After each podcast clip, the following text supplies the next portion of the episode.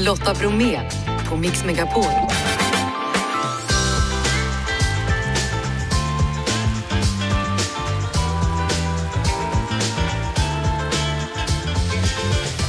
Hallå där och varmt välkommen in till oss och dagens tisdagsmix. Förutom en massa bra blandad musik så gästas vi av Alexandra Sassi. Nu ska hon ta revansch i Kockarnas kamp. Samir Badrans pappa fast på Västbanken hör Samirs oro. Det blir tisdagsteknik och så kollar vi in svenskarnas digitala vanor. Jag säger som vanligt, redo Jeff? Ja. Janne? Superredo! Då kör vi! Kocken, Robinson-vinnaren, föreläsaren och matprofilen Alexandra Sassi är en av kockarna som vill ha revansch i Kockarnas kamp och nu finns hon med mig, Lotta Bromé här i Mix Megapol-studion. Välkommen hit Alexandra! Tack så mycket. Du, innan vi pratar om din revanschlusta så måste jag fråga, du har beskrivit livet som en mixsallad. Hur menar du då?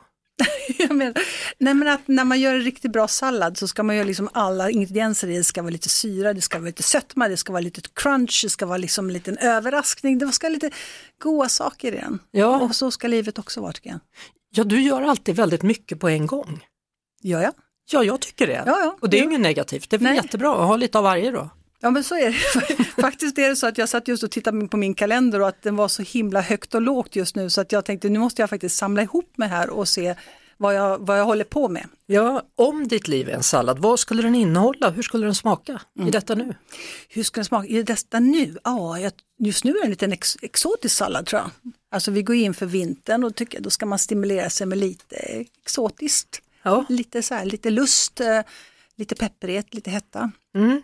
Ikväll så är det då dags för andra avsnittet av Kockarnas kamp, revanschen. Och det låter inte som att det alltid är en kul plats att vara på. Ja, men det, det här är skräckens lada. Alltså när vi är här så är det som att alla tankar, eh, vettiga tankar och kunskaper flyger ut i våra huvuden. Jag vet inte vad som händer, man blir bara knäpp här inne. Mm, vi ska alldeles strax prata mer om skräckens lada med Alexandra Sassi. Eh, Vi hörde ju där att eh, det finns en skräckens lada. Va, vad är det för någonting, skräckens lada? Skräckens lada är när tio stycken väldigt duktiga, etablerade, professionella kockar står utanför en lada och skakar för vi vet inte vad som ska hända och vi är så oroliga att vi kommer i, jag vet inte. Jag tycker att det, det läskigaste momentet är när ni ska stå med förbundna ögon och hacka.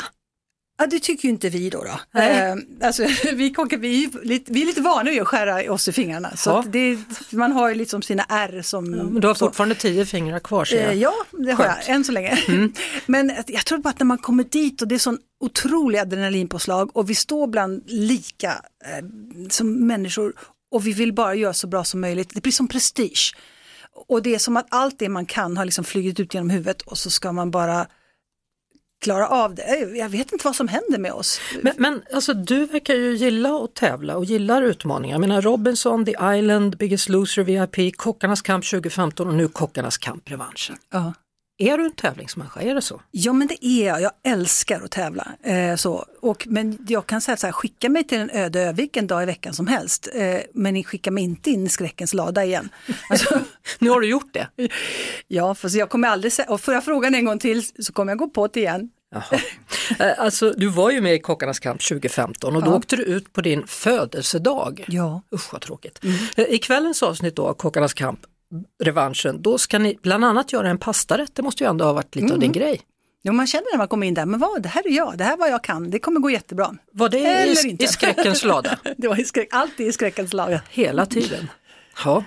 Eh, alltså, vad, vad är det man vill åstadkomma? Vad vill du? Vad är viktigast? Att slå de andra eller att få oss som tittar att se ett riktigt, en riktigt fin tallrik?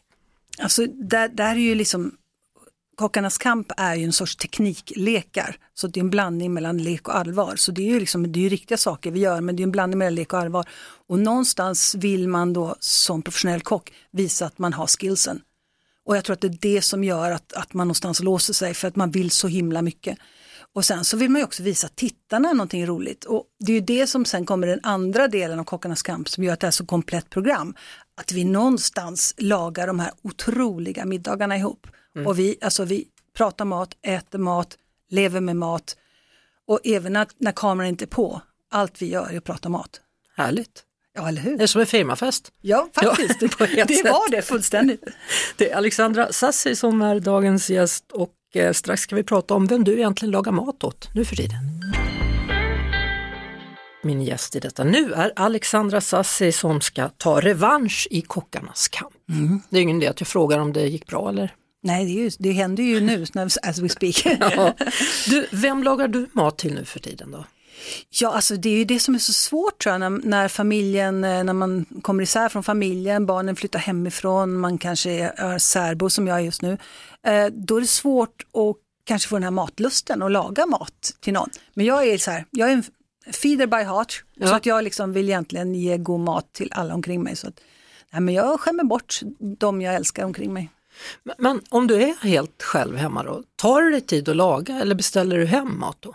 Ja, men jag, är- jag är ju så knäpp så att jag kan liksom älska att laga mat och så kan jag liksom verkligen ge mig in i kast med att laga någonting riktigt avancerat, eh, går igång på att skära, steka, känna dofterna i köket och sen vill jag inte äta upp det. Nej men gud, vad händer då?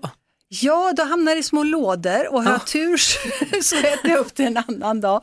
Eh, och med som tur är så har jag, min son har nu flyttat till Stockholm så att eh, jag får skicka lite åt det hållet och sen eh, min särbo är hungrig av sig så han får också, eh, ja, Ja.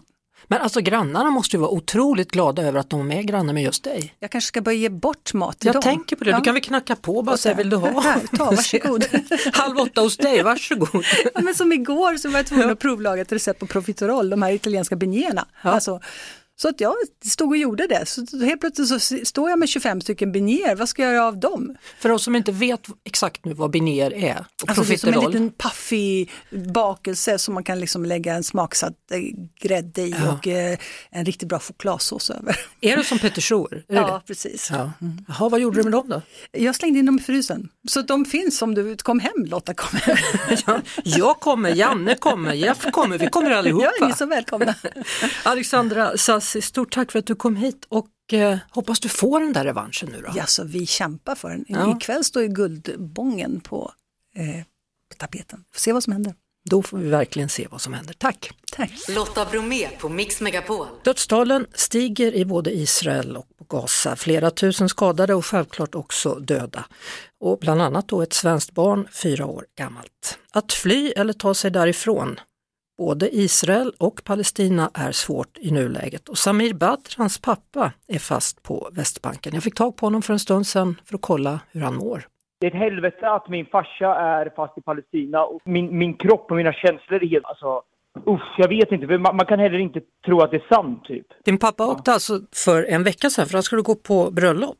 Precis, alltså, min kusin eh, skulle gifta sig. Jag, min flickvän, min mamma skulle åka. Sen så tänkte jag att nej men fan, jag, jag vet inte om jag hänger med. Det, är- det är ändå lite oroligt. Alltså vi trodde inte det här liksom. Och min mamma kände lite samma sak. Men min pappa kände, nej men vad fan, det är lugnt. Det har inte hänt något på länge och så vidare. Ja, min farsa åker och så, eh, bam, en vecka senare så smäller det liksom. Hur blev det för dig att vakna upp i lördags och förstå vad det är som händer? Jag fattade ju direkt, alltså när de attackerade Israel, då visste jag att så här, okej nu är det ju kört. Och grejen är att jag hade ju både vänner på ena sidan och andra sidan. Min tjejkompis var ju i Tel Aviv när det hände och min farsa i Palestina. Och båda berättade, fan det här var det värsta ever. Det värsta de varit med om. Fick du tag på din pappa?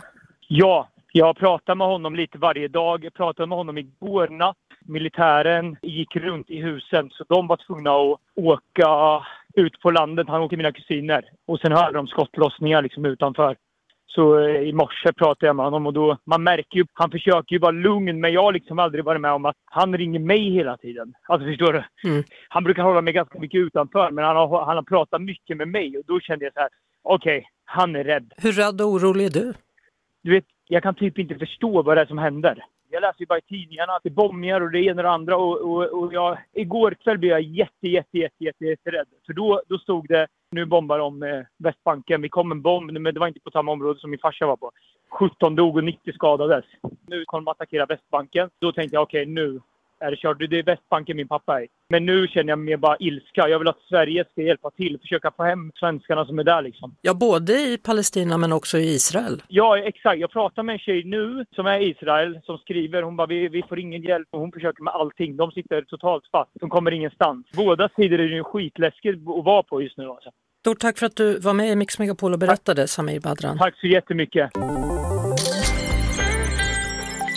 Tekniktipset. Hörni, det börjar bli mörkt och kallt. Vi är på väg in i influensasäsongen. Hösten är ju som bekant en tid då många av oss blir sjuka, men vi behöver faktiskt inte gå till läkaren längre när vi känner oss krassliga. Intresset för nätläkarna har skjutit i höjden. Martin Appel, konsumentredaktör på PC för alla. Vad är egentligen en nätläkare? Alltså det är egentligen en helt vanlig läkare, men vi träffar hen inte fysiskt utan vi träffar hen digitalt istället. Och för att man inte ska kunna fuska då och låtsas vara någon annan så finns det såklart identifiering. Då loggar du in på BankID och sen väljer du hur du vill använda den. Ett videosamtal i mobiltelefonen, då installerar du en app och sen kan du prata ett videosamtal med läkaren. Eller också väljer du bara att sitta framför datorn och chatta. Eller också kan du göra det med rösten så att det blir som ett vanligt telefonsamtal. Och sen kan du förstås skicka bilder. Skicka en bild så kan de analysera och se vad det handlar om. Priset på det här och det varierar. Det här är inte gratistjänster utan det räknas som ett vanligt läkarbesök och då skiljer det sig lite mellan olika regioner. Och för barn och unga så är det gratis. Precis som vanliga läkarbesök. Så det här är egentligen inget konstigare än ett läkarbesök, bara att du gör det digitalt istället för fysiskt. Finns det gratis alternativ? Våra regioner de driver tillsammans en tjänst som heter 1177 och här kan du hitta väldigt mycket bra information om dina sjukdomar så att du kan lite grann diagnostisera dig själv. Det här med att gå ut och googla på sina symptom är ju inte jättebra för du vet ju inte om den information du får är korrekt. Men på 1177.se där är det läkare som har granskat varenda kommatecken så den kan du lita på. Finns det flera sorters läkare? Det finns även till exempel psykologer, till exempel din psykolog och Mindler. Och det fungerar ju på samma sätt som nätläkaren. Du pratar med den här psykologen och berättar om dina problem och får förhoppningsvis någon typ av diagnos. Martin Appel, PC för allas konsumentredaktör, tack för denna gång. Du lyssnar på Lotta Bromé på Mix Megapol. Vi hörde ju Samir Badran i förra timmen. Terrororganisationen Hamas gick ut i plötslig attack mot Israel i lördags och nu har över 3000 människor dött på bägge sidor konflikten. Flygbolag har ställt in resor för, i både, från både Israel och Palestina då. Flera länder evakuerar nu sina medborgare. Ännu dock inte Sverige, något som upprör Samir Badran vars pappa alltså är fast på Västbanken utan möjlighet att ta sig därifrån. Han börjar ju få panik, jag märker ju det. Han tänker så här, ja men jag tar mig ut. Det är någon taxichaufför som håller på att åka fram och tillbaka. Han gör liksom körningar och åker till gränsen och testar och kollar. Jag sa till min farsa att eh, ta det lugnt, åk inte än för helvete, vänta tills det lugnar ner sig. Min farsa vill ju bara ut nu. Han bara, men så fort, så fort jag får en chans så drar jag. Jag sa till honom, fan nej, chilla istället. Hela familjen säger till honom, vänta, vänta istället. För hemma är han ju säkrare att det ska komma en bomb rakt ner på deras hus. Det är mindre sannolikhet än om man skulle alltså, gå ut på gatan eller försöka ta sig därifrån med någon smugglare eller något. Det känns mycket mer riskabelt. Jag vill att han ska bli hämtad av Sverige. Att Sverige ska göra någonting så att de kommer ner och hämtar svenskarna därifrån. Andra länder hämtar hem sina medborgare men Sverige skiter i det. Jag fattar inte varför andra länder ska kunna hämta hem sina medborgare men inte Sverige. Vi får hoppas att det här inte eskalerar ännu mer för det är ju redan över tusen döda och flera tusen skadade. Stort tack för att du var med i Mix Megapol och berättade Samir Badran. Tack så jättemycket för att du ringde mig. Lotta Bromé och den perfekta mixen på Mix Megapol. Idag så släpper Internetstiftelsen sin årliga undersökning av svenskarnas digitala vanor, svenskarna och internet. Med mig nu Måns Jonasson, internetexpert på Internetstiftelsen. Välkommen till Mix Megapol. Tack så mycket. Ja, det är ju en gedigen undersökning där, men vilka är de viktigaste sakerna att ta med sig i år tycker du? Ja, men en av de saker som vi har tittat på extra mycket i år det är nyhetskonsumtion. Var någonstans som svenskar tar del av samhällsnyheter. Och den vanligaste källan till samhällsnyheter det är televisionen tätt följt av eh, nyhetsappar och webbar och radio. Men om man tittar bland de yngsta så är det faktiskt sociala medier som är på första plats. Och tittar vi bland de allra yngsta, de under 20 år, då är det TikTok som är den största nyhetsförmedlaren. Och det här säger en del om det samhälle vi, vi får nu där människor tar del av nyheter på väldigt, väldigt olika sätt på väldigt olika platser. Och frågan är om vi ens pratar om samma saker längre, om vi inte längre ser samma nyheter. Vi har sett den här utvecklingen under en ganska lång tid att yngre människor väljer bort tv och radio och tidningar. Men att det är så pass få som så att säga börjar läsa längre nyhetsanalyser eller ta del av längre nyhetsinslag även när de blir 20-30-årsåldern. Det känns lite förvånande för mig. Och det är klart att tänker man lite längre här så kanske vi får en hel generation som, som är vana vid att bara konsumera nyheter i form av korta klipp. Och då funderar jag lite på vad det gör med, med uppfattningen om nyheter. Har ni lagt till någon fråga i år som inte har varit med tidigare? Ja, men det är ganska många frågor som är nya. Bland annat så har vi frågat om eh, svenskarnas attityd till övervakning på nätet och där kan man se att en väldigt stor majoritet, 94 procent av svenskarna vill att polisen ska ha tillgång till privata konversationer på nätet vid misstanke om brott. Och då är det ungefär hälften av dem som säger att det får bara gälla allvarliga brott och den andra hälften säger att det får nog gälla alla brott. Ja, det känns väldigt högt att det är många som, som är beredda att ge upp sin personliga integritet så här men, men uppenbarligen Uppenbarligen så vill vi väldigt gärna att polisen ska komma åt brottslingar och är då beredda att tycka att polisen ska få lyssna av våran Instagram och våran Facebook.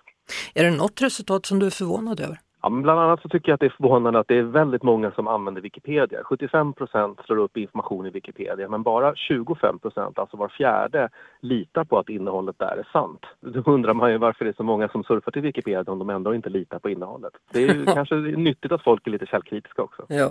Tack så mycket Måns Jonasson från Internetstiftelsen för att vi fick en liten summering här då av svenskarnas digitala vanor.